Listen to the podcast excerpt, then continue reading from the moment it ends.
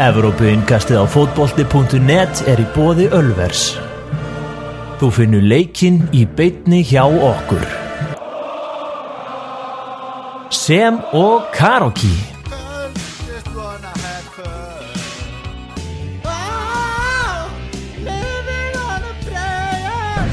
Píla, hú, mjöður, pítsur, hambúrgarar, stemning. Allt á Ölveri Glæsibæ. Góðan og gleðilegan daginn, hlustendur góðir, velkomnir að uh, viðtækjónum.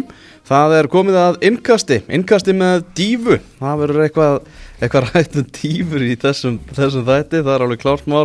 Við ætlum einnig að fara í, í samkvæmisleik og ég legga til að við munum byrja á samkvæmisleikum í þessu innkasti. Já, ég heiti ok. Elvakir Magnússon, í vestmannum er Daniel Geir Moritz. Hvernig erstu Daniel? Herri, ég er ljómandi góður þakkar fyrir Ljómandi Já. góður Eh, hva, hvernig líst þér á það? Við byrjum á samkvæmisleiknum. Óvinnulegt, við verðum við ekki að það En, en já, þú, þú stjórnar Þú stjórnar.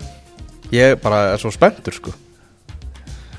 Þarna Þú settir heimaverkefni fyrir mig. Já, Velja bestu varnarlínu ennsku úrvarsleitarna frá stofnun. Þá erum við ekki að tala um einhverja einstaka varnarlínu Heldur erum við að tala um að setja saman bestu varnarlínuna frá, frá því að ennska úrvarsleitin var til Og að sjálfsögðu með markvör þar fyrir aftan. Já, besta vörnin og vörn er ekkert nema fyrir, fram, nei, fyrir aftan hann að sé Góður markmaður. Já, algjörlega. Eh, byrju, Þú valdi líka þitt eða? Ég valdi líka mitt og, og hérna Ég ætla að fá þig til þess að byrja. Ok. Og svo ætla ég að því af hverju þitt er vittlust ok. Af því að Það ég er held, skemmtilegt. ég held ég viti nákvæmlega hvernig liðið þetta er Það var svolítið þannig að það var auðvelt sko. Já, ég held að nefnilega að þú takir svona eitthvað svona sem ég finnst svona Já, já, ok, ég ætla ekki að segja nefnir þeirra Heyrðu, á ég bara, að byrja og taka þetta bara í einni runu eða? Nei, og maður taka svona Já, byrja kannski Mér langar að byrja frá hægri til vinstri í varnarlínunni. Já, Endir á markmanninum endi á markmannum, það er já, og svo svona aðeins af hverju svona, ekkert eitthvað langt, bara svona aðeins. Ok, ok. Heyrðu, hægra megin í vörninni, í hægri bakverði. Já, auðveldasta valið. Ok. Uh, Já, verður Gary Neville. Já, bara drauma fyrirliði sem bara lagði alltaf hjarta og sál í verkefnið og, og hjælt öðru leikmönnum á, á tánum. Og uh, ég held ég myndi setja Branislav Ivanovic kannski nummer tvö hjá mér en, en þetta var bara algjöru yfirburðir hjá, hjá Gary Neville. Mm sammála því. Hann er líka í mínu liði. Já, uh, sko miðverðinir Já, uh, þar ákvað ég að taka á endanum John Terry já. og Nemanja Vític Já, þetta kemur ekkert óvart, ég vissi að þú myndi gera þetta. Já, Terry er náttúrulega bara hinn fullkomni miðvörður. Hann er fyrsta val í, í miðvörð. Já, uh, Bara granitarður, góður í fótunum Raðaðin titlum Andlit fyrsta meistaraliðsins Já, Mourinho á, á brúnni. Uh, Svo er náttúrulega Vítits bara búin að vera í gríðalu upp, uppáhaldi Algjör stríðsmaður. Og hann vil að segja að hann sé hérna Fyrir hönd miðvarðaparsin Sem hann og uh, Ríó Ferdinand sköpu, sköpuðu saman. Ok svona hefði þið náttúrulega geta valið Ríó, ég veit að þú ert náttúrulega með Tony Adams hana í, þínu lið Ah, kemur í ljós. Já ef við býðum að sjá um. Uh, eruð þið í vinstri bakverði Já, þar er eini leikmaðurinn sem að ég er með þarna sem er ennþá að spila. Aha. Það er Asle Cole Já, sem er svona oftast talað um sem besti vinstri bakverður í sögu ennsku úrvarsleitarinnar sko. Einmitt og jafnvel bara einhver besti vinstri bakverður sem uppi hefur verið. Hann er alveg á þeim stalli sko. hann var svona hann var ekki mjög vinsæll meðal fótbolta áhuga manna en hún sjálfum var drullu sama, hann bara vann fótboltaleiki og hann lifti byggurum og, og, og bara hló sko. Ég meina þetta er bara gæi, ég meina hann sveik uppeldisfélagi sitt til þess að vinna fleiri titla og honum var svo drullu sama sko, hann ætlaði bara að vinna eins marga titla og hann gat. Hann var svona eh, gatur er svolítið svona dörti á velli án þess að vera samt eitthvað að meiða menn svona gæt hafa sér eins og fíbl til að hleypa leikjónum upp og þetta er bara svona ekt og náttúrulega bæði góður í vörn og ógæslega góður í sókn þannig að finnst hann já, ég er samanlegaður með bakverðina. Hann er 38, hann er búin að yfirgefa núna LA Galaxy. Mm uh, og er þá bara á frjálsi sölu held ég sko. Það, þú veist það er bara að pikka gæjan upp 38 Já, ára gammal hann hefur- fullu fjöri. hann hefur verið orðað við Darby County. Ah. þannig að það væri meir en lítið forvundilegt mm -hmm. Herru markmaðurinn já, það er eftir með Peter Schmeichel. Já, já, einu sem á ógnað honum eitthvað var Petr Cech. Já, en Smækjál náttúrulega bara nauta burðum í markinu, sterkur persónuleiki og, og ég hef sjálfur aldrei séð markmann sem að vann eins mikið að leikjum upp á sitt einstæmi og, og svona segir sitt að hann náttúrulega hætti hjá United þá tók það liðið eitthvað sex ár að, að ná að fylla skarðans á einhverju viti. Mhm. Þannig ég er með, þetta eru, þetta eru menn úr tveimur liðum, má segja. Já, Við tökum Ashley Cole sem Chelsea, Arsenal, skilur hann náttúrulega spilaði lengur þar og vann fleiri titla þar það er ekkert Já, Eh, ha- er- þú getur alveg satt þetta til að vera sérstaklega leiðilegur en samt ekki að segja ósatt sko. Smækjál Gary Neville, John Terry, Neymanja Vític og Ashley Cole. Þetta er, þetta er mitt val ok, eh, ég er með Ríó Ferdinand í staðin fyrir Nemanja Vític Ok, Ríó Ferdinand var fljótari miklu betri fótboltamæður og mér finnst hann hérna, halda lengur út og hérna vera lengur í deildinni og ef þetta er svona í sögu deildarinnar þá finnst mér hann já, koma hérna, freka til greina heldur en Vítits þó að Vítits hafi verið frábær ok. Og ég meira segja myndi segja af hverju ætti að velja Vítits frekar heldur en Japstam Já, Jafnstam var líka á blæðið mér. Já, virkilega öflugur sko. Ég var bara meira eitthvað en Vític maður. Já, ég, ég get alveg skilið það sko. en hérna ef við átt líka að búa til bestu vörnina og þá átt að sjá hvort virka betur kannski með Terri í deildakeppni þá eru Terri og Vítits líka líkari. Já, þannig að ég myndi hafa Ríó. Í markinu Terry og Vític myndu ná geggja vel saman sko. Já, þau myndi ná mjög vel saman, það er alveg hárætt En í markinu, þar setti ég frekar Petr Tjekk Já, ok. Og hérna eh, ekkert að einhverjum augljósum ástæðum eðlilega, af því að hann er að við Peter Schmeichel. En Peter Schmeichel er svona e, nafn sem að öllum dettur í hug en á móti kemur að hann kemur líka í deildina aftur það sem að hann er ekkert sérstakur bæði hjá Aston Villa og Manchester City. Hann er með hens það líka skipta máli. Það er Já, ekki ég menna sér það það lítur að skipta máli þá líka Petr Cech, hann er bara orðinn einhver varakall og ætla bara að hætta að spila fótbolta núna. Já, já, það er alveg rétt. Að- Að sama skapi, sko. Mér finnst það ekki alveg að sama skapi að því að hérna, þetta eru færri einhvern veginn tímabil þar sem að Peter Smækjell er svona virkilega, virkilega öflugur. Þó að hann hafi náttúrulega á þeim tímabilum verið bara hafa ekkert eftir að bera hann saman við neitt og segja það sem Arsenal maður það sem að e, Arsenal átti að byggla lang næst besta markmannin þegar Peter Smækjell var bestur sko. En það var engin samkeppni þannig lag. Æ, nokkulega Petr Smækjál bara, hann er besti markmaður sem ég séð, sko. En svo hérna lendi ég í smá barspjalli um þetta á föstudaginn. Já, og þar var hérna bargæstur í, í, í, hérna, á góðum bar í Vestmannum sem að saði bara af hverju ekki DG já, DG hann er fáið markminn sem að unni fleiri stig heldur en hann. Mhm. Og hann náttúrulega koma titlarnir einhvern veginn inn í og, og, og hérna það er erfitt að vera góðsögn og vinnur ekki titla en meðan það er samt bara áhugaverið punktur. Ég menna DG er bara það er ótrúlega hvað hann hefur unnið mikið að stegum fyrir mannstjóðunætið þannig að bara svona áhugaverið vingill meðan það er samt ekki alveg sama og, Tjekk og, og Smækjel en það má alveg færa rauk fyrir ég sko. Af þeim sem eru í ansku úrvarsleitinu núna þá telja að Virgil van Dijk sé líklegastu til að ná að þrönga sér inn í þetta ef við myndum taka þetta eftir nokkur ár sko. Já, ég sammála því, ég myndi jafnvel eh, sammála því að hann sé líklegastur að mér finnst Cesar að spila Guetta og hérna, DG að koma til greina. Já, já. Þetta er, er áhugavert, skemmtilegt Skemmtilegt aðeins að- að að- spóla tilbaka og, og láta hugan reyka. Mm ekki spurning. Við að kíkja á leiki helgarinnar? Það er ekki bara að byrja á mínu mönnum sem er, ég myndi segja að vera lið helgarinnar?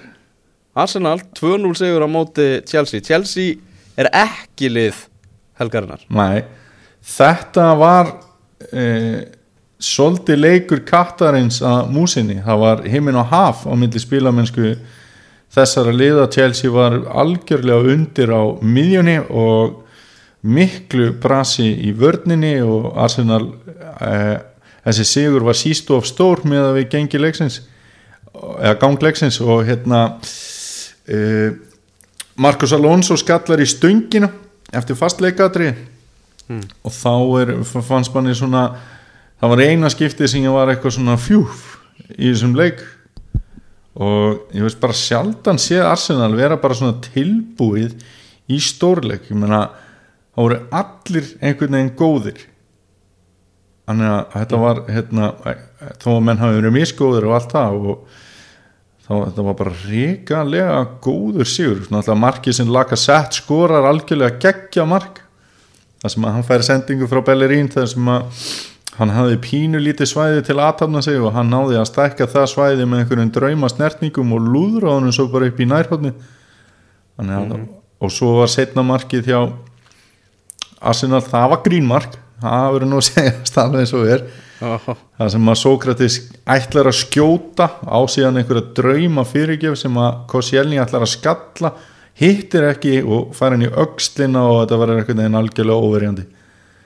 Já, ég hérna sko ætla ekki að skemma partiði fyrir þær en það sem mér finnst standa mest upp úr eftir hann leik er hversu lélegir Chelsea menn voru í þessum leik. Það áttu eitt skot á markið Mhm. og þessi ummæli hjá Moritz og Sarri mjög svona já þeir hljóta að, að, að rista ansi djúft við erum að tala um hann segir að það sé bara rosalega erfitt að móti vera leikmenn í leikmannahópi Chelsea.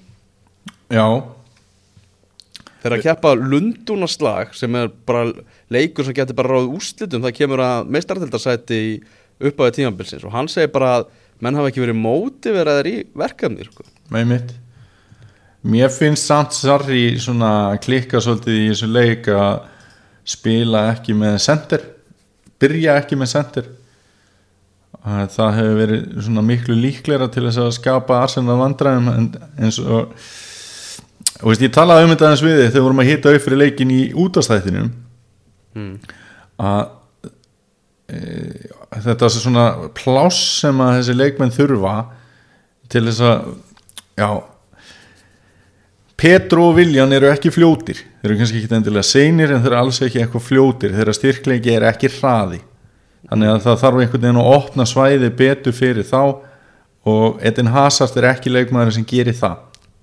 Og hann fekk voða lítinn tíma. Sókratis og Koscielny voru virkilega góðir og Koscielny var maður leiksins út af þessu marki. Mér fannst hann samt ekkert endilega betri svona í vörninni heldur en heldur en Sókratis í þessu leik. Og ég er algjörlega sammála þegar að þú sért svona að reyna að eðalegja partíi en samt ekki að því að Chelsea var bara virkilega slagt bara frá í raun og veru bara fremst á vellinum og alveg aftur sko. Það bara er þannig að Sarri er greinlega ekki alveg að treysta strækjurunum sem hann er með og þess vegna er já, Gonzalo Higuain líklega á leiðinni til þeirra. algjörlega þannig að bara virkilega sterkur sigur fyrir Arsenal og, kemur náttúrulega á mjög þakklátum tíma þar sem þetta var orðið dálti svona þunglindislegt að, stiðja þetta leið með að við svona gengið í síðustu leikjum. Og e, næst er hérna, heimaleikur í byggandum á móti Manchester United og svo er heimaleikur á móti Cardiff. Mm þannig að, að þetta verður væntalega hörku, hörku byggarleikur sem verður á föstudaginn þetta er partíleikur. Þetta er partileikur, það er rót að segja það. Þessi leikur, þessi úrslitum þurfa líka svona jákvæð fyrir Manchester United því að þau bara koma Manchester United algjörlega upp í baráttan um þetta fjórðasæti, með bara stimplað algjörlega inn. Já, það er bara engin spurning. Þetta er orðin rosalega mikill pakki núna frá þriðja sætinu og niður í sjötta sæti af því að tóttinam er búið að vera að gefa eftir og hérna Nú ég, var að klárast leikur Fúlham og Tottenham. Já, og það kom eiginlega flautumark í þeim leik. Flautu sigumark hjá Tottenham sem Harry Vink skoraði með skalla af stuttufæri já, uh, ég er búin að vera með þetta þetta fyrir fram að mig og, og mér varð illt í hjartanu að sjá viðbröðin hjá Claudio Ranieri. Hann, hann var rosalega fúll og líka staðan hjá Fúlham er orðin þannig núna að þeir eru sjö stugum frá örgu sæti. Já, þetta er það orðið er bara þannig. Fyrst að, fyrst að Newcastle var að vinna í gæri og svona. Við förum nánar í það á, á eftir en, en Mhm. upplugt hjá Tottenham að landa þessu sigri sérstaklega sem að vantaði náttúrulega Harry Kane, vantaði Son og, og Sissoko og félaga. Mm og uh, Fernando Lorente hann skoraði hann að sjálfsmark í, í leiknum Dele Alli og Harry Vink skoraði sér í setna á leiknum og, og Tottenham með ríkalega mikilvægan uh, sigur. Handan Já, og öruglega einhverjir sem hafa sett penningan á að tóttinu myndi mistiða sig í þessum leik. Ah. En það sem að mér finnst standu upp úr í þessum leik, Fulham Tottenham það er klárlega að Ryan Babel er komin aftur í ennsku úrvastildina og með eldrautt hár. Já. Hann er að þetta skemmti. Já, hann er líka skemmtikraftur. Þetta er leikinn leikmaður og hérna hefur svona verið að finna sig aftur komin meira inn í hollenska landsliðið og, og, og hérna við höfum náttúrulega séð allar hans liðar áður í ennsku úrvastildinni þar sem hann getur verið, veist, hann hefur ekki komist í bara neista á hofsósi sko. Og svo á milli þess að- svona hálfbartin rífa nýtt raskat á varnamenn anstæðingsins þar sem hann hefur bara verið geggjaður. Þannig að það verður mjög forundilegt að sjá hvernig hann á eftir að styrkja þetta fullhamlið eða, eða hvort. En ég minnst um samt, um samt líklegt að hann er eftir að styrkja það, það verður nú bara að segja Já, algjörlega. Herru, vindum okkur yfir í leik Liverpool og Crystal Palace því líkur leikur sem að var í bóði á, á Anfield. Segur Liverpool fjögur þrjú fyllilega sangjart með hvernig leikurinn spilaðist. Liverpool talsveit betra liðið þó að þetta hafi verið svona mjög tauga strekkjandi uh, uh, Jordan Henderson að mínum mati maður leiksins, horfða á þennan leik. Mm -hmm. Mohamed Salah kom með tvö mörg, kom með 50 úrvalsteldamörg en það sem er náttúrulega talað um hvað mest eftir þennan leik og fyrir afskaplega í töðarnar á mörgum stuðnismönnum Liverpool. Já, það er dívan hans í stöðunni 1-0 fyrir Palace. Já, og með veist allt og margir verið að segja af hverju ekki verið að tala bara um þú veist að Ronaldo sé að dífa sér mm veist, menn eru svolítið mikið að benda á einhverja aðra leikmenn sko. Já, já. bara hei þessi gaur dífi sig líka. En veist það er bara að tala um þessa tilteknu dífu og hún var virkilega ljót. Sala fer auðveldlega niður. Þetta, var, þetta var allt of allt of mikið og, og, og það sem flög gegnum hausun og mér er náttúrulega þú veist að Sala er vantilega meðvitaðar svona um þess að umræðu sem hefur verið í gangi um hann uh, hún, sem hún er sangjötn eða ekki og lætur sig þetta detta og maður spyr sig hvort það vilji vera með þetta leikar orðspor á sér. Já, hann náttúrulega fjekk ekki neitt fyrir þetta í þessu leik. Nei, nei, bara sem betur fyrir ekki. Já, bara, já og veist, korki vítaspilnu nýja guldspjald þetta var Já. bara svona ekkert þetta var bara svona, já. Gæti dífunandi þá tekið þetta fyrir eða? Sko, er hún ekki bara þú veist eitthvað einhver hérna tálsinn Það er hún sé bara dáin sko. Já, þetta er bara hérna, þú, einhver svona rosalega góð hugmynd sem að þetta, veist, þetta er eins og að beigja til hægri á rauðu ljósi sko, það er allir sammála um að þetta sé sniðut en svo er ekkert gert. Já. En sama þú veist hvort að Sala sé að dífa sér að hver það bara þarf að gera eitthvað að reyna að eyða þessu úr fótboltanum. Sala er stórgóðslegu leikmaður og ég ætla ekki að segja að hann sé bara dífar í, í, í genunum en sama hvað þá var þetta ljót dífa í gær og honum til skammar. Þetta var bara mjög vandræðalegt og, og leðilegt að sjá þetta og, og hérna sem betur fer bar þessi dífa ekki ávöxt og réði ekki úslitur leiksins. Og mér þetta er náttúrulega eðlilegt hvort sem að, eins og þú segir, hérna segja hann eða eitthvað annan, ég meina við höfum séð leikmenn í öllum liðum gera þetta að þá hérna var eðlilegt að hann myndi ekki spila næsta leik. Mm -hmm. þetta er bara svindl. Þannig að við viljum ekki hafa uh, svona inn í fótboltanum. Þannig að Þú hendir inn einhverju könnun á, á Twitter, segðu okkur frá henni Já, hérna, við tökum bara aðeins saman þá núna, hérna Liverpool, Krista Pallas mér langar aðeins að klára það og svo tökum við United með og svo eh, segi ég Já, frá þau þessari eru bara með þetta atvik í United-leiknu Það þarf ekki að tala meira um það. Já, ok, hérna þar fær Paul Pogba vítaspinnu Réttilega. Það sem að hérna Bong, heitir hann það ekki, bakurinn Jú, Já. e, er að hlaupa í, í hann og, og, og hérna verið sprjóta á honum og víti dæmt. Og þá hendi ég, að margir voru ósáttu við það, fannst þetta mjög ódýrt víti. Mér fannst þetta svolítið minna með á víti sem að Salem eitt fjekk hvað á móti Brighton í síðustu umferð. Já, og bæ, bæði víti að mínum mati. Já, ég tók hérna könnun. Uh, Sala og Pogba fjallu innan teiks í dag og eru margir á því að þetta hafi verið dýfur, hvað segir þú? Og svarmöguleikarnir voru þrýr bara dífa hjá Pogba bara dífa hjá Sala dífa hjá báðum. Og í raun og veru ef þetta er svona dreigið saman þá eru 40% sem, að 41% sem segja að þetta hafi verið dífa hjá Pogba og 90% sem segja að þetta hafi verið dífa hjá Sala. Ég sem sagt dífa hjá báðum inn í þetta sko. Ah, ja. Þannig að það eru 10% sem segja að þetta hafi bara verið dífa hjá Pogba sem að er náttúrulega mjög krútlegt sko. En, en hérna Það Já, ég minna sitt sýnis hverjum og svo eru hérna Já, þú 59 veist að fólki sem, fólk sem kýst þetta finnst það samt ekki veist, það, það, það getur ekki verið. Það Nei, getur já. ekki verið að nokkru manni finnist að þetta hafi verið sko bara brot á Sala og þetta dífa hjá Pogba. Það er ekki, það er ekki hægt sko. ég veistu það er var? Ég er sannfærður um að það eru einhverjir á þeirri sko Neinin, það er Jú, ekki jú. Þetta fólk er bara annarkvort að kjóst í gríni eða bara eitthvað, heyrðu, ég ætla ekki að láta Sala líta illa út í þessari könnun. Það, það er bara þannig. Já, þá tekur einhvern veginn svona réttlæti einhver innra réttlæti við. En það var sem sagt 10% bara dífa hjá Pogba 59 bara dífa á Sala og 31% dífa hjá báðum fyrir, fyrir mér þá fannst mér hérna þetta að vera klárt e, bara svona svindl sem að Sala var að reyna að gera. Og, og all, all, bara alltaf dífa og hefði átt að vera guld spjald.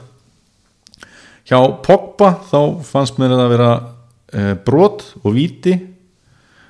Og líka svona dífa út veist, hvernig hann hendi sér svona meðast það svona innan marka veist, Já, já, veist Það var ekki að reyna að standa í lappirnar sko. Nei, hann var ekkert að reyna að standa í lappirnar og það var brotið á honum og mann finnst það aldrei svona pyrrandi þegar að leikmenn gera þetta en er náttúrulega líka hefur stundu verið þannig ef að, ef að það er sparkað í leikmenn og þetta ekki þá hafa þeir ekki fengið neitt veist, það er svona eins og dómarar uh, meti það að leikmenn þurfi að detta til þess að fá eitthvað sem er náttúrulega fáralegt sko. Já, já Þannig að uh, í þessu hef ég væntalega kosi dífa hjá báðum en að því að það er ekki takt að raukstiða svarið, skilur Nei, ég fatt það, ég fatt það en hérna klárt víti sem að Pogba átt að fá og, og, og hérna. Og, og, og það, en eins og ég segi, það réttlættir ekki dífunni á Sala að einhver annar leikmaður hafi verið að dífa sér meira en hann í einhver öðru landi eða öðru liði sko. Nei, það er bara aldrei þannig. Þú réttlættir ekkert morð vegna þess einhver annar fram til tvö morð eða eitthvað. Nei, nei, það er- Þarna, en varandennaleg Liverpool Crystal Palace, Julian Speroni vinnuðinn, Já, hérna sem að er gleðigjafi og skemmtikraftur og mér finnst ótrúlega gaman að sjá hann aftur í þessu leik. Hann var Og- svo sannarlega já, skemmtikraftur og gleðigjafi fyrir Liverpoolmann í, í þessum leik. Já, að því að ég ætla að segja ég ætla bara að taka það djúft í árinni að Já, hann var munurinn á liðunum í gær. Já, almennilegu markmaður eða markmaður sem hefði staðið sér vel hefði orðið til þess að Krista Pallas hefði annarkvort náð jafnteflið að bara unni hennar leik. Mhm. Og Hann það, gerir hann var umurlegur í öllum gæfumunum fyrir en ég segi ekki að hann hafi verið munurinn á liðunum því að náttúrulega út á vellinu sjálfum var Liverpool miklu betra lið. Já, en þetta var samt að ganga upp það sem Pallas var að brasa sko. Algjörlega, algjörlega þangað til að kemur eitthvað svona grín hjá honum og, og Liverpool þurfti að hafa virkilega fyrir þessu um, sigri og enn og aftur að því við erum að tala um að ef að Liverpool er að ganga í gegnum svona erfið að kapla sinn á tímabilinu núna út frá meðslum og, og spílamennskan er ekki alveg eins og þeir vilja hafa hana og þeir eru samt að ná í þrjústi þá er það náttúrulega fáranlega stert sko. Já, ég hérna, hef náttúrulega sagt það að ég held að Leopold verði mestari mm hef ekki farið í félum með þá skoðun og líka meðal hans vekk út af þessu, það eru svona hlutir að falla með liðinu sem að sér bara falla með meistara liðum Speroni í þessum leik eh, Pickford heilabilunin Mares, Vítaklúðrið og, og fullt af svona öðrum er Já, bara stör, störrið sleggjan sem móti Chelsea. sko. störrið sleggjan þetta móti Chelsea hann alltaf, þú veist það er alveg rétt sko. þetta er, þetta er hérna, myndbandið sem verður sínt áður en að verður sínt að þeir lifta byggarnir það er orðið algjörlega geggja sko. meðan það bara atvikin sem að vera á þessu tímabili þannig að ég skil nákvæmlega hvað það að fara þó ég sé ekki jafn samfærður um eins og þú að þeir klárið þetta en það er erfitt að veðja gegn þeim Já, nákvæmlega Manchester City vann eh, 3-0 sigur á móti Höttersvild útisigur ég horfði þennan leik og hann var lítil skemmtun. Manchester City bara svona gerði, gerði sitt sérstaklega var fyrriháleikurinn alveg þrótleiðilegur sko. Mm en bara City klára þetta með þessu öryggi sem að búist á við og þeir bilið er því ennþá uh, fjögur stegmiðli Leopold og Manchester City og núna er Tottenham komin uh, já, Tottenham með nýju stegum áfram frá Leopold Já, við, já, við höldum áfram. Þetta er bara Leopold og City sem berjast um, um titilin Já, já, það er engin spurning. Eh, og náttúrulega stóru fréttina kannski fyrir þannig leik og náttúrulega að David Wagner eh, sagði starfið sinni lausu með við fréttinnar Fre, frekar heldur en að hafa verið rekin og, og, og það er kannski eðlilegt að hann hafi farið úr þessu verkefni. Og ég sá svona uppbytun þátt fyrir umferð helgarinnar þar sem að viðtóli Jonathan Hogg sem að er svona hvað staðist í karakterinn í Höttersvíl liðinu og, og leikmönnum þar var bara virkilega brugðið og, og þetta var algjörlega gegn þeirra vilja. Þannig að þetta hefur frekar verið til þess að lama liðið en að allavega held ég í næstu leikjum frekar heldur en að þeir svona séu fegnir við að losna eða fegnir því að losna við eitthvað stjóra og hefur ekki gengið vel. Þannig að e, jákvæðni eða svona jákvæði teikn og lofti í leik Höttersfield eru engin fyrir framhaldið, myndi ég að segja. Já, Jan Sívert sem er uh, þjálfari varalegs Dortmund, bara 36 ára gammal, hann er að taka við þessu og var svolítið fyndið aðtök hérna, sjá, þetta sem myndband af þessu á .net þar sem að Skye held að hann væri í stúkun á leiknum. Fóru hérna mannavilt, sendu hérna fréttamann til að kíkja á hann en svo bara, nei, nei, ég er ekkert hans sko.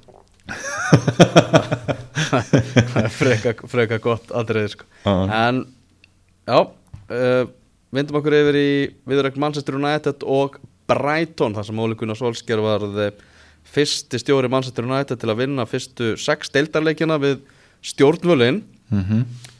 uh, hann er náttúrulega búin að henda bara Rashford upp á topp og hann skoraði sitt nýjunda mark á tímabilinu og fymta markið undir Solskjær, geggjamark sem hann skoraði Mm -hmm. uh, nok nokkra svona flotta sóknir hjá United en annars var þetta í heldina engin skrautsýning hjá þeim og, og Brighton náttúrulega hefur verið ömurlegt á útivöllum sem liðið kom upp í ennsku úrvarslildina og það heldur bara áfram og þetta var svona þeir kláruðu þetta United en ekkert með svona kannski sömu síningu og, og þeir hafa verið með eftir að Solskjaer tók við. Nei, Pascal Gross næra að minka munin hann í 2-1 og þá fóru Brighton að sína svona einhverja tilburði ég segi ekki að þeir hafi vaðið í einhverjum færum, það var ekki þannig en með smá hefni þá hefur þeir getað jafna leikinn en hún kom ekki og þetta var e, lélegasti leikur United undir stjórn Solskjær sem er e, óvænt að það séu heimavelli á móti Brighton ah, en ég held að þeim sé bara drullu sama hann bara enn eitt sigurinn og, og, og bara lífi heldur áfram sko. Og náttúrulega með reynum ólíkjendum að liðið sé skyndilega komið þremur stegum á eftir, eftir Chelsea. Að það er að segja frá fjóruða sætinu. En uh -huh. ræðum aðeins maður setur nættið meira á eftir að það fara þá í Mourinho viðtali sem að hann fór í Katar. Já, ok. En kíkjum aðeins á það sem var í gangi hjá öðrum liðum. Newcastle með 3-0 sigur á móti Cardiff og Newcastle lifti sér upp úr fallsæti. Fabian Já. hann var magnaður í þessum leik var með tvö mörg og hefði getað skorað þrennu. Já. Eh, og var einnig náttúrulega bara geggjað varnarlega sko. er allir fantasíspilarar hefðu verið til í að hafa hann með í, í þessari viku. Var með 21 stig sem eru ótrúlega tölur á varnamanni, ég hef bara aldrei séð svona held ég. Já, og, hérna, og bara bara alveg burst hjá Njúkasólu bara miklu betri.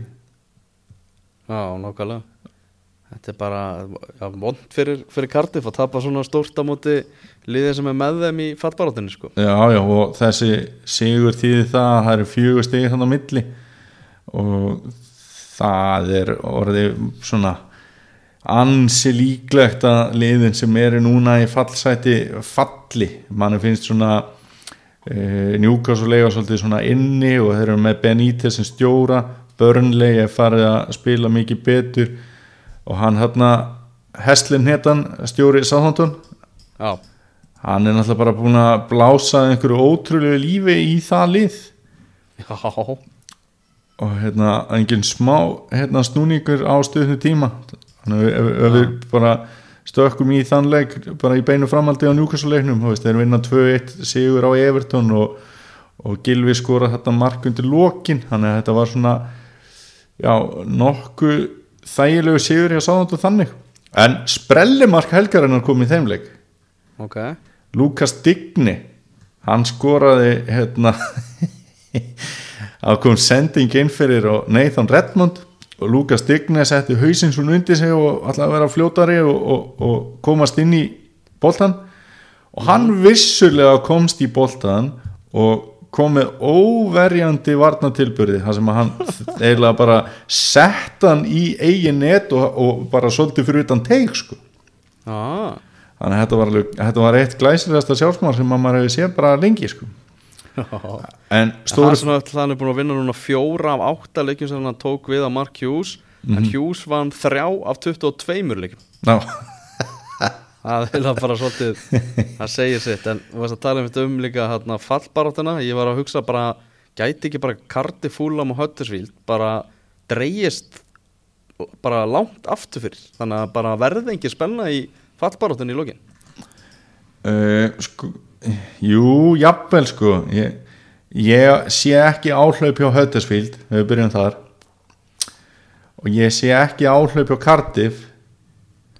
Uh, ég gæti sé eitthvað áhlaup hjá Fulham en munurinn þar er 60 já, þú veist, þannig að það er spurning hvort það sé of seint í rassin gripi sko. þeir eru alltaf að reyna veist, við skiptu um stjóra og, og hérna eru konum með eins og við tölum um Ryan Babel og svona. En jú, þetta gæti orðið ansi döpur fall barátta upp á spennuna að gera. Það er alveg góðu punktur sko. Uh, Everton var mjög dapurt í þessu leika múti Southampton Richarlison að gangi í gegnum þurr. Konum var bara að skipta velli sann á 60 og 50 mínútu og nú var svona það voru gengið svo bölvan að skora það var svolítið verið að gaggrina Silva og segja að Richarlison sé vangmaður eigi ekki að vera að spila þarna sem fremsti maður. Mm -hmm. þannig að Þetta það hefur verið frólægt að sjá hvernig framhaldi verið þar hjá Everton-mönnum Já. Watford og Burnley gera markalust játtlefli þar voru markverðirnir í aðhlutverki Tom Heaton og Ben Foster Mm þeir bara sáu til þess að bæði þessi lið eru já, ósigruð á árinu 2019 Mér, mér langar aðeins að, við getum eiginlega ekki klárað en Evertón leika þau eru minnast á Gilva Gilvi skorar hérna mark Evertón í leiknum og hann jafnaði eðsmóra ég var að marka Íslendingur í sögum skúrastildarinnar já, sem er náttúrulega gríðarlega merkur áfangi og, og hérna Gilvi er náttúrulega enga veginn sama góðsögnin í þessari deild og eða smári þar sem að hann var í liðum sem að voru að lifta byggur eða liðir sem lifti byggurum. En algjörlega frábært hjá Gilva að ná þessu og í raun og veru líka hann hefur verið að spila miklu aftar heldur en eða gerði. Mm hann, hann var samt þess að þessu leik alveg langt frá sínu besta Gilvið þegar Já, hann já. hafi skorað þetta mark.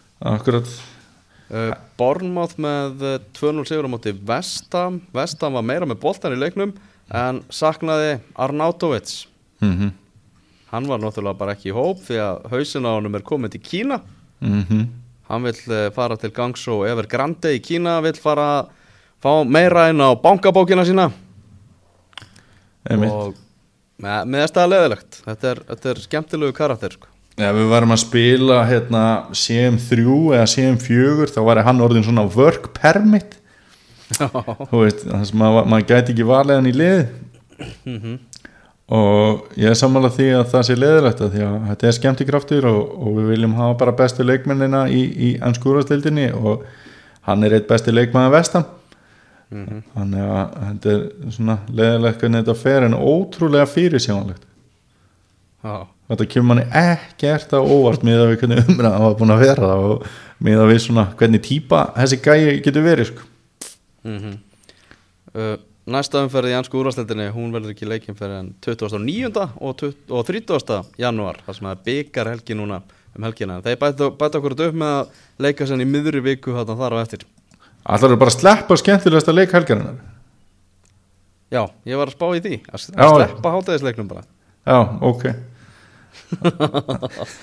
Það var veislamaður Úlfarnir fjögur lester þrjú Já Þetta var rússipanna leikur og flautu segumark Þetta var bara geggjaður leikur sko.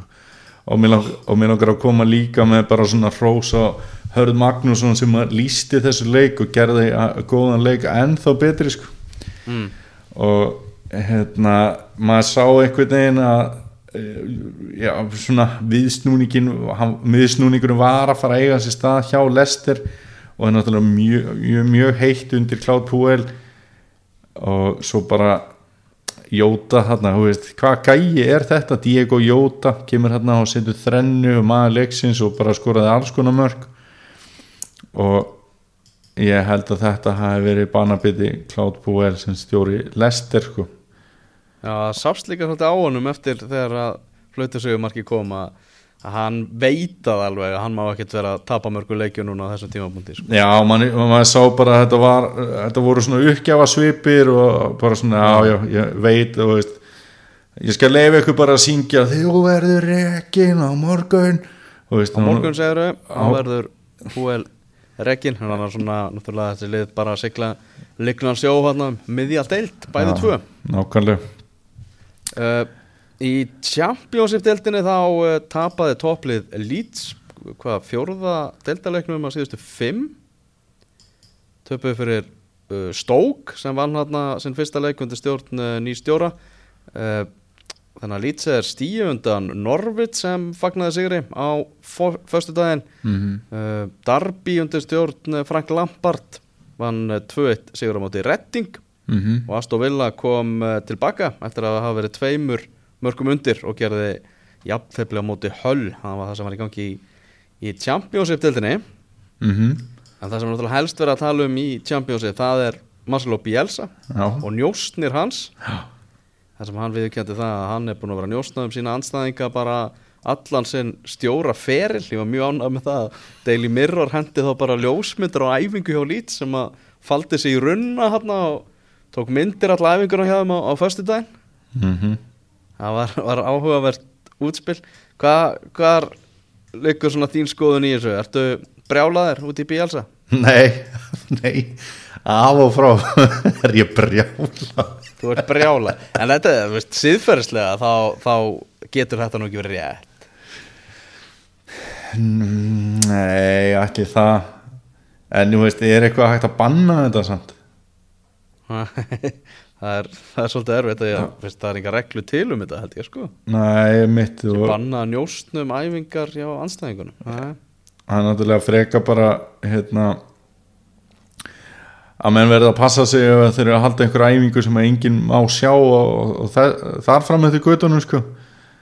En, en ég velti því samt líka fyrir mér hérna, hvað ætlað þú að græða? Að því að Bielsa er algjör góðsögn í knaspunni heiminum og ótrúlega margir stjóra sem hafa litið upp til hans lengi. Já. en hann hefur ekki verið neitt rosalega sigursæll stjóri. Þannig að ég velti svona fyrir mér, þú veist, hvað er fengið með þessu? Þú veist, nú ert þú, nú ert þú bara mikill leiknismæður Já. og, og ef þú væri sendu bara njóstnari hjá leikni bara á blásvelli að horfa, að horfa æfingu á haugum heldur þú að það myndi gera bara gæfi munin bara að, og, og það væri bara miklu líklega að Steini Gísla myndi nei, hérna, ekki steppi gísla fyrir ekki, myndi hérna stýra leikni til sigurs í næsta leika Þú veist, Bielsa er bara einhvern veginn þannig gaur og hún er langa til að vita allt um anstæðingin já, hann er náttúrulega með bara öll íbúðan hans er, ég get ímyndað mér það bara fulla möppum bara tróðfull og hann ég held að það væri svona draumur hver sálfræðings að fá að hitta þennan gæja sko. Hann, hann hugsar öðruvísi heldur en, heldur en flestir. Já, ég meina, þú veist, er þetta ekki miklu frekar svona þráhyggjudrifið heldur en kænskudrifið það getur verið sko. veist, ég held að það Það sé ekki drossalega mikið kænska fólkin í þessu. Bara já, herri, þeir láta alltaf leikmannum með fimm hlaup á nærstöngina í hotnum þú veist, hvaða mál, hvaða máli skiptið það sko? Já, já, það er líka þegar Mourinho var hérna spurður út í þetta og hann- þá sagði hann sögu sem að hefur gengið út um allt en hann staðfesti loksins að hann væri sönn. Það er hérna þegar hann uh, átt að vera í leikbanni sem þjálfari og faldi sig inn í klefanum. Var bara í klefanum allan daginn til að geta hitt leikmenn og passa að hann myndi enginn sjá hann þegar hann færi inn í klefan og svo þurfti náttúrulega að koma honum út úr klefanum og þá fór hann hann í þvottakörfu hjá búningastjóranum. Mm og átti erfitt með hann á andanum en, en lifði það nú allavega af. Uh, Mourinho hann er farin að tjá sig aftur og það bara þurfti að borgunum slatta pening til til að myndi gera það fljúanum til Katar það sem er nóg til og, og hann var í þessu viðtali hjá BN Sport það sem hann svona er í samningnum hjá honum við Manchester United að hann má ekki tjá sig um liðið að tímabilið en hann svona, ég held að hann hafi nú aðeins farið út fyrir þau mörg samt sem aður en hefur fengið náttúrulega talsverða gaggrinni fyrir það að hann tekur ekkert á sig. Það er ekkert sem hann ber ábyrð á uh, varðandi slemt gengi Manchester United. -hmm. uh, Gary Neville hann sagði það að svona reynsla sem hann ætti að vera að taka út úr veru Mourinho væri að fyrir United að engin stjóri ætti aftur að fá að mótas eigin hugmyndafræði hjá Manchester United. Það þyrfti að fara inn í hugmyndafræði félagsins. Já, uh, mjög góða punktur Já, Mourinho svona meðal þess sem hann kemur inn á þessu viðtali tók niður nokkra punkta uh, hann segir að einn leikmaður hafi beðið sem að gaggrina sig ekki opinberlega á æfingum heldur aðeins undir fjögur augu hún liður svo illa að vera gaggrindu fyrir framann aðra hver heldur þú að það sé? hver er stil líklegastur? að það hafi verið þessi leikmaður ah. Uh, ég veit það ekki. Ég segi hérna ég segi Chris Smalling. Já, ég, ég segi Antoni Martial. Anthony Martial, já, gæti verið. já, Uh, hann segir í svo viðtali að þeir dagar séu liðnir að knaspunustjóra séu allsráðir. Nú verða að vera yfirmenn yfir hinn og þessu og, og stjórarnir bara hluta af einhverju skipuriti. Og menn er svolítið fyndið að tala um það að hann sé svona meðal annars að tala um að þetta hafi vantað á Manchester United og það sé einn af ástæðunum fyrir því hann ekki gengi betur sérstaklega í ljósi þess að þegar hann var hjá Real Madrid þá vildi hann ekki fá neitt yfir sér. Mitt uh, og svo tala hann um það að Guardiola og Klopp fái meiri stuðning heldur en hann hefur fengið og er náttúrulega mjög duglegur að benda það að, að Klopp sé bara vinn ekki neitt með Liverpool en, en sé hérna sífellt að fá okkur rós og, og lof og eitthvað. Ah. það sem að þú veist að mínum að þetta er náttúrulega bara verðskulda því að Klopp er að bæta lið Liverpool en Mourinho er ekki eitthvað veginn svona framtíðar stjóri þú veist, það er eitthvað veginn bara ekki hans músík að vera mikið að byggja upp hann svona kemur inn með kvelli mm það er svona, svona hans ferill en þetta er var gaman að Mourinho sem byrjar að tjá sig og ég vona að hann haldi því svona aðeins, aðeins áfram hann náttúrulega lítar alla umræðu þegar hann opnar á sér trantinn og þessi saga ef að fólk hérna, ber sig eftir því þá ætti að geta fundið þegar hann er að segja sjálfur frá þessu með þóttaköruna til dæmis, það er ógeðslega að fyndið sko. Já, hann, hann segir með leikrannu tilþrifum frá þessu. Já, já, og hérna er náttúrulega mjög góðu sögumæður og, og hérna hefur verið gaman að hlusta á hann margótt á fundum þó að maður hóði líka oft hrist hausinni við því sem að hann segir en æfisaga þessa gæja þegar hann má bara tala eins og hann vill að því að maður er nokkuð vissum að hann á eftir að gera það. Hann á eftir að segja allt hann á eftir að greina frá öllu. Þú veist, fyrst hann er búinn að segja núna með, þessa, með þvottakörfuna ég meina, ætti hann ekki að fara í leikbann í mestaradillinni skilur við Já, þú veist, þetta er náttúrulega svona gróft brot sem hann fremur. Já, já, þó að það sé langt um liðið en, Já, já. en ég held að hérna, æfisa þessa gaur sem hún verður. Já, það er eitthvað sem maður á eftir að renna í gegnum. Já spurning hvort að sína einhverja smá auðmygt í henni. Það er, það er góð spurning. Já, ég vona ekki. Um, Samkvæmt heimildu fréttablasins hefur Hannes Þór Halldórsson samþykkt tilbúð vals. Þannig að hann er að semja við ríkjandi Íslandsmeistara vals. What? Já Sögu ekki að tjóka? valsmenn tilbúin að bjóða Hannesi talsvert betri kjör en K.R. gatt bóðið Hannes hefur heyrt frá félögum hér á landi og félögum Erlendis að þetta staðfesti Ólafur Garðarsson umbósmaður landsleismannsins í dag Eh, Hannes er enn samningsbundin Karabak í Azerbaijan og segir Ólafur að það er enn eftir að leysa hans mál þótt að sé áheg meðal hans á Íslandi og annar staðar í Evrópu Þetta eru, þetta eru risa fréttir þetta eru rísa fréttir sko.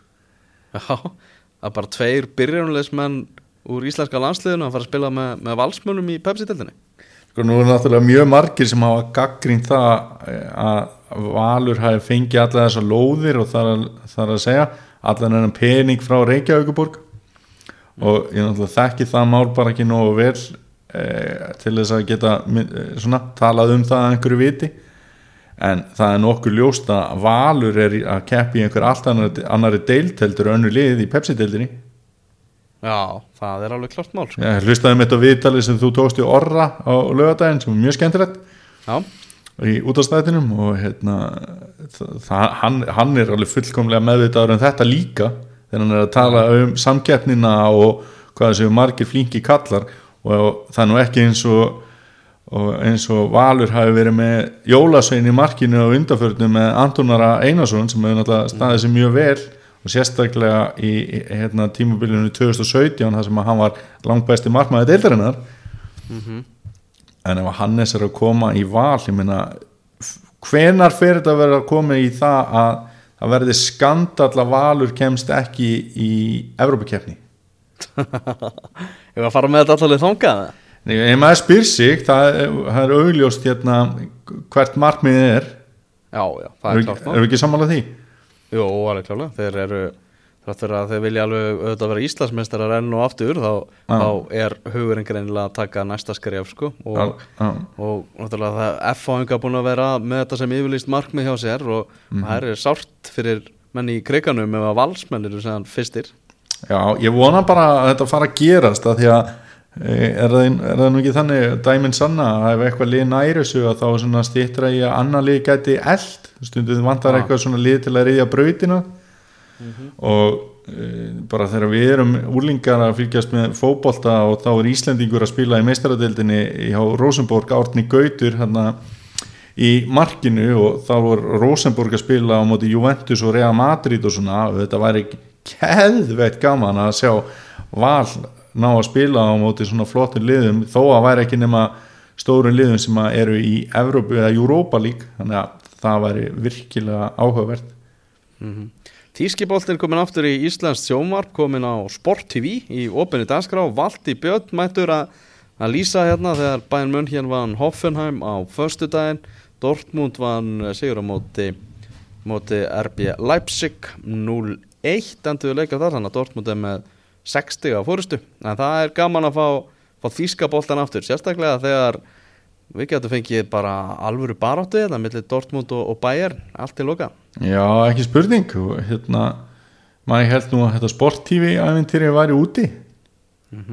En það er greinilega eitthvað að frétta þar og, og, og þessum fréttum held ég að allir hljóti að taka fagnandi að fá alvöru deild núna bara leik eftir leik í sjónvarpi heima Mhm.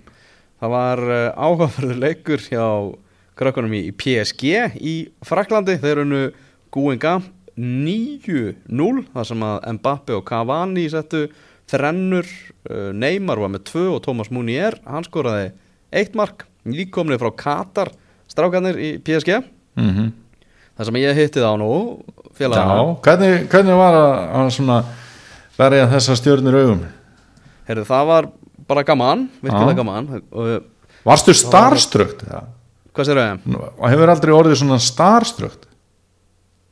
Nei, maður er eitthvað þetta er komið í vana skilur Já, en svona, þú veist, vissulega að sjá menn eins og, þú veist, Mbappe svona gaur sem á eftir að já, ríkja hérna vandala í bara efst í fótboltaskíunum bara á komandi árum og áratugum jafnvel, sko. Ekki spurning.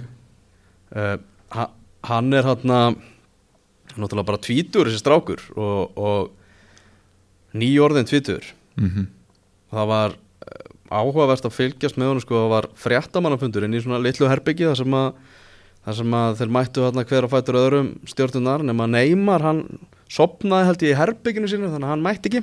Mm. en Mbappe mætti þarna og, og þú veist þeir mættu bara einn, í- einn í einu sko.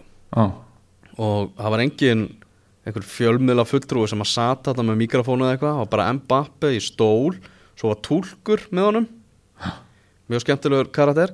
Og svo var bara Mbappe að, þetta fekk hann bara spurningar. Og Ha. bara segja sér eitt skilur að, að PSG treyst honum í þetta verkefni. Eina sem var sett að það mátti ekki spyrja neitt út í möguleg félagaskipti. Já, þannig að það var ekki hægt að segja við að spyrja hann út í hvort hann væri á leiðinni í Real Madrid eða eitthvað. Hvað er þetta? Þú veist eins og þetta með Positino United og eitthvað, þú veist.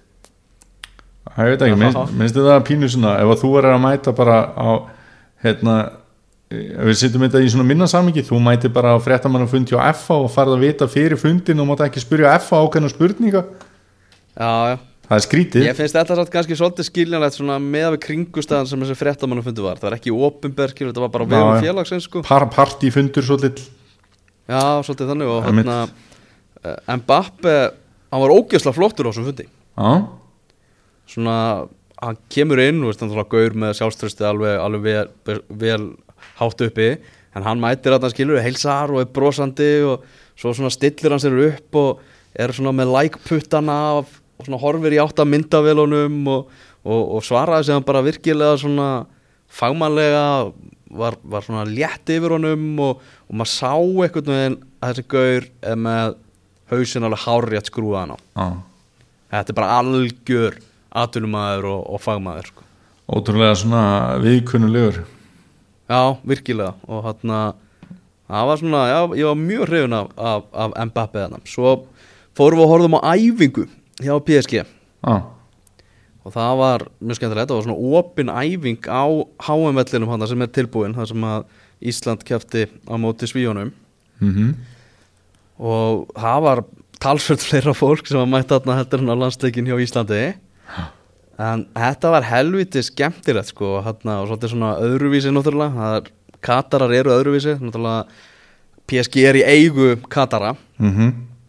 Og hérna voru mættir bara föstatnir til sem að sem eru aðal kallarnir hérna hjá PSG og það er á meðal fósetti félagsins uh, uh, Nasser Al-Khelafi eins og hann heitir. Mhm. Hann hérna það var búið að raða upp svona mjög þægilegum hægjendastólum við hliðalínuna og þar fekk hann sér sæti með sínu fólki og svo voru bara svona þjónar að, að þjónunum og koma með einhverja drikki og veitingar og, og eitthvað með að þeir voru að fylgjast með PSG að æfa sig hann þannig að svona fyndið andrúsloft eitthvað leikmennið nei, hann er, hann er eigandinn. Þú ert er búin að þetta er hérna Þetta er, var svona skemmtilegt skemmtilegt andrúrloft sko. En þeir kom allavega endur nærði greinilega eftir, uh, eftir þessa ferdi Katar og er að rúlla upp þessari frönsku deild, nú er bara spurningi hvernig þeim mun vegna á móti Manchester United og þegar maður svona horfir yfir þetta leið æfa og maður bara sá alla þessa geggju fótboltamenn og hugsaði bara, heyrðu þeir eru að fara að keppa móti Phil Jones þá hugsaði maður Manchester United á ekki breyki í þetta leikja einvið sko. Nei, en þetta er besta íþrótt í heimi þannig að maður veit aldrei hvað gerist Nei, en þegar þú ert komin á þennan stað og ert bara á hlýðalínunni og, og svo kemur bara einhver með hérna, gott í glasi og kannski eitthvað að geta og þú ræður náttúrulega bara hvað hún kemur með.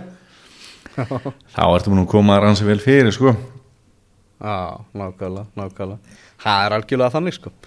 Þannig var helgin í Evrópu. Bóltanum Er eitthvað meira sem að við eh, eigum eftir að taka, Daniel? Nei, eh, við myndum nú ekki segja það og, og hérna næsti þáttur hjá okkur verður eftir viku á sunnudegi Við stefnum að vera með lúksusútgáfi það Já, ætlum að fá til okkar góða gesti og verðum jafnvel fjórir í þeim þætti sem að ég held að sé í fyrsta skipti, er það ekki? Jú, allavega fjóri saman í einu sko. Já, ég segi það og, og þetta nýtum svona tækifæri að skoða framhaldið og, og hvernig þetta hefur verið þar sem að verður lítið um að vera í sjálfu sér næstu helgi þar sem að er byggarhelgi og ég veit að stuðnismenn Liverpool býða ekki spenntir eftir þeirri helgi. Og náttúrulega margir Liverpool-menn sem að eru svona, já líta jákvægt á það að Liverpool sé dottið út því að þá getur liðið kvílt sig og það mun kannski skipta þá strax máli þarna þar sem að Liverpool fær þá kvíld og á svo leiki í miðri viku eftir á meðan erkifjöndu þeirra eða helstu baráttu menn þurfi að leika í byggarnum. Það held ég, það held ég. Við segjum þetta gott að þessu sinni. Ávalt ánægja, takk fyrir að hlusta og verið sæl